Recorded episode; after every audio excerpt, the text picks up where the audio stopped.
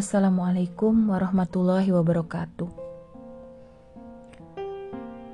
Selamat pagi, teman-teman semuanya. Semoga teman-teman dalam keadaan sehat, bahagia, dan bersyukur. Kali ini saya akan membacakan tulisan ayah saya, Asis Muslimin, yang membahas mengenai ego. Selamat mendengarkan untuk teman-teman semua. Semoga dapat mengambil hikmah dan pelajaran dari tulisan yang saya bacakan ini. Karena sejatinya kita semua adalah pembelajar yang akan terus belajar di mana pun dan kapan pun. Menggugat ego oleh Asis Muslimin. Kira-kira apa reaksi Anda ketika teman kerja Anda mengatakan, "Kamu bego ya? Mengerjakan seperti ini saja tidak bisa." Bisanya apa sih? Dasar blow on, IQ jongkok. Tentu Anda akan meradang marah. Bahkan untuk jenis orang-orang tertentu yang cukup temperamental, mungkin bisa saja Bogem Mike Tyson langsung melayang ke rahangnya. Tidak cukup sampai di situ, uppercut kanan secepat kilat bersarang di lambung kirinya. Dan perang pun terjadi. Hal itu terjadi karena Anda merasa tersinggung dengan perkataannya anda meradang marah karena Anda merasa dihina dan diremehkan. Emosi Anda menyala karena ego Anda diganggu. Anda merasa harus mempertahankan kehormatan ego Anda, sehingga Anda melakukan sikap agresif untuk menyelamatkannya. Pada tataran norma awam, memang sikap Anda tersebut merupakan pilihan yang benar dan wajar. Tetapi, kenapa Islam melarang sikap seperti itu? Sikap-sikap yang mudah tersinggung, mudah tersulut emosi marah, apalagi tindakan agresif dan anarkis. Bahkan Rasulullah Shallallahu Alaihi Wasallam memberikan perhatian khusus terhadap kemarahan karena mengetahui betapa dahsyatnya daya rusaknya terhadap diri dan tatanan sosial. Maka banyak hadis yang beliau sabdakan tentang larangan marah agar umatnya mampu memverifikasi egonya dulu sebelum marah bukan berarti marah tidak boleh. Tentu marah boleh dilakukan, tetapi agar kemarahan itu ditempatkan pada tempat semestinya. Jebakan ego sering kita mendengar kata ego dan egois, dan ternyata menurut pakar ilmu jiwa, pada titik itu tersimpan jebakan Batman. Bahkan kalau tidak hati-hati, maka Anda akan terjebak di dalamnya. Dampaknya, biasanya Anda akan memilih sikap-sikap destruktif karena Anda harus mempertahankan ego Anda, yang sebenarnya Anda tidak perlu memilih sikap seperti itu. Inilah yang saya maksud kenapa jebakan ego ini menyimpan resiko berbahaya. Untuk melepaskan jebakan Batman itu, kita harus terbiasa menggugatnya. Mau tahu jebakan Batman-nya seperti apa dan bagaimana cara menggugatnya? Pertama, kita harus mengenal ego itu apa. Ego adalah komponen kepribadian yang berhubungan dengan konsep diri yang diatur oleh realitas. Sederhananya, ego inilah yang menyebabkan Anda terpisah dari lainnya. Ego inilah yang membuat Anda mempercayai bahwa Anda ada di sini dan orang lain ada di sana. Namun, justru pada titik ini, ego memberikan jebakan Batman yang tidak kita sadari.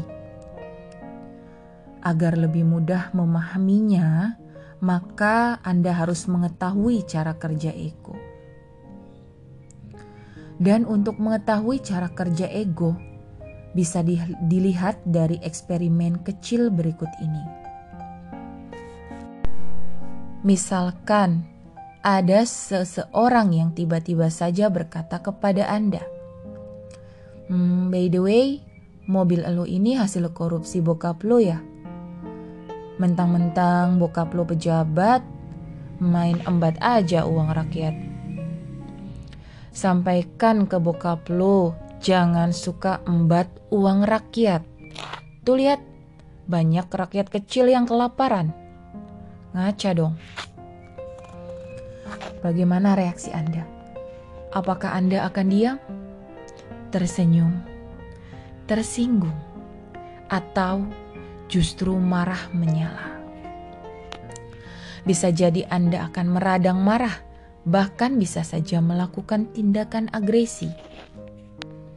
Sekarang, skenario-nya diubah, misalkan Anda sedang tidur lelap sampai dengkuran Anda seperti orang menggergaji. Terus, ada yang mengatakan kepada Anda seperti tadi. Kira-kira apa yang akan Anda lakukan? Bagaimana reaksi Anda? Saya yakin Anda tidak akan bereaksi. Anda tidak akan menggubris kata-kata itu. Pasti Anda akan memilih memperkeras dengkuran Anda. Iya kan? Hmm. Saat tidur, ego akan padam untuk sementara waktu. Ego akan beroperasi lagi di saat kita sadar saat kita tidak sadar, maka ego juga berhenti bekerja. Hal ini diperkuat oleh literatur yang ditulis oleh John O. Beers, Unity and Multiplicity. Menurut literatur tersebut, ternyata kesadaran itu bertingkat-tingkat atau multilevel Kesadaran yang aktif dalam suatu saat bisa berbeda tergantung situasi dan kondisi. Begitu juga dengan ego. Dia bekerja dalam berbagai tingkatan. Semakin halus kerjanya, semakin sulit terdeteksi, dan justru itu yang paling kuat dan berbahaya. Nah, Bagian selanjutnya ini yang perlu Anda pahami. Saat kita sedang mengalami gejolak emosi, maka berhati-hatilah karena saat itu ego sedang bermain. Ini yang saya maksud jebakan Batman itu. Ketika Anda disebut manusia bego, maka kita akan tersinggung karena ucapan itu itu adalah cengkraman ego. Terus, bagaimana cara untuk melepaskan dari cengkramannya? Mudah, yaitu dengan cara menggugatnya. Menggugat ego. Begini cara menggugatnya. Anda hanya perlu melakukan verifikasi terhadap diri Anda sendiri ketika emosi marah tersulut. Sampaikan pertanyaan kepada diri Anda sendiri. Oke, jika Anda tersinggung dengan ucapan bego, kemudian Anda putuskan untuk marah. Sebenarnya, bagian dirimu manakah yang tersinggung? Bagian dirimu manakah yang marah? Apakah otakmu, kepalamu, tangan dan kakimu, atau badan utuhmu? Sama seperti ketika Anda dapat kabar bahwa sahabatmu sedang dirawat di rumah sakit ortopedi Profesor Dr. Suharso Surakarta. Karena kecelakaan lalu lintas dan ia mengalami patah tulang. Maka Anda pasti tidak serta-merta puas dengan kabar tersebut, sehingga Anda perlu memverifikasi kabar itu dengan menanyakan, bagian manakah yang mengalami patah tulang? Tulang rusukkah? Kaki kiri atau kanankah? atau bagian lainnya. Demikian juga dengan diri Anda sebagai manusia. Jika Anda tersinggung, pasti ada bagian yang mengalami ketersinggungan. Jika Anda marah, pasti ada bagian yang mengalami kemarahan. Anda harus cari bagian mana itu, sebab jika Anda menerima bulat perkataan itu, maka yang terdampak adalah diri Anda secara keseluruhan. Padahal, jika Anda teliti secara detail, yang terkena dampak dari perkataan itu adalah perasaan Anda. Ya, betul. Yang terdampak hanyalah perasaan Anda saja, tidak ada selain itu. Maka, setelah itu, layangkan gugatan Anda kepada ego atau perasaan Anda. Katakan kepadanya jika yang tergores hanya perasaan Anda. Kepada kami, badan secara utuh harus ikut menanggung deritamu. Kenapa? Kenapa kami harus mengikutimu? Terus, jika mengikutimu, Apakah ada kebaikan untuk kami semua? Jika tidak ada kebaikan untuk kami, kenapa kami harus tunduk kepadamu? Sekali lagi, saya tegaskan, hanya perasaan Anda, dan perasaan adalah salah satu dari komponen batin yang akan selalu mengalami berbagai emosi, baik positif maupun negatif dan yang jelas perasaanmu tidaklah mempresentasikan dirimu secara keseluruhan. Jadi, jika ada yang mengatakan ada bego, blow on, IQ jongkok, come on, sadarlah bahwa Anda tidak benar-benar bego. Blow on, bin IQ jongkok. Karena hal itu tidak mempresentasikan Anda secara keseluruhan. Maka, anda akan lebih tenang menyikapi dan tidak marah-marah. Sambil tetap menesah, menasehati untuk berkata yang baik atau diamlah.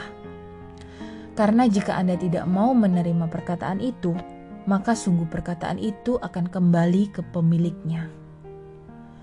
Mungkin inilah rahasianya kenapa baginda Rasulullah Shallallahu Alaihi Wasallam melarang untuk kita mudah marah.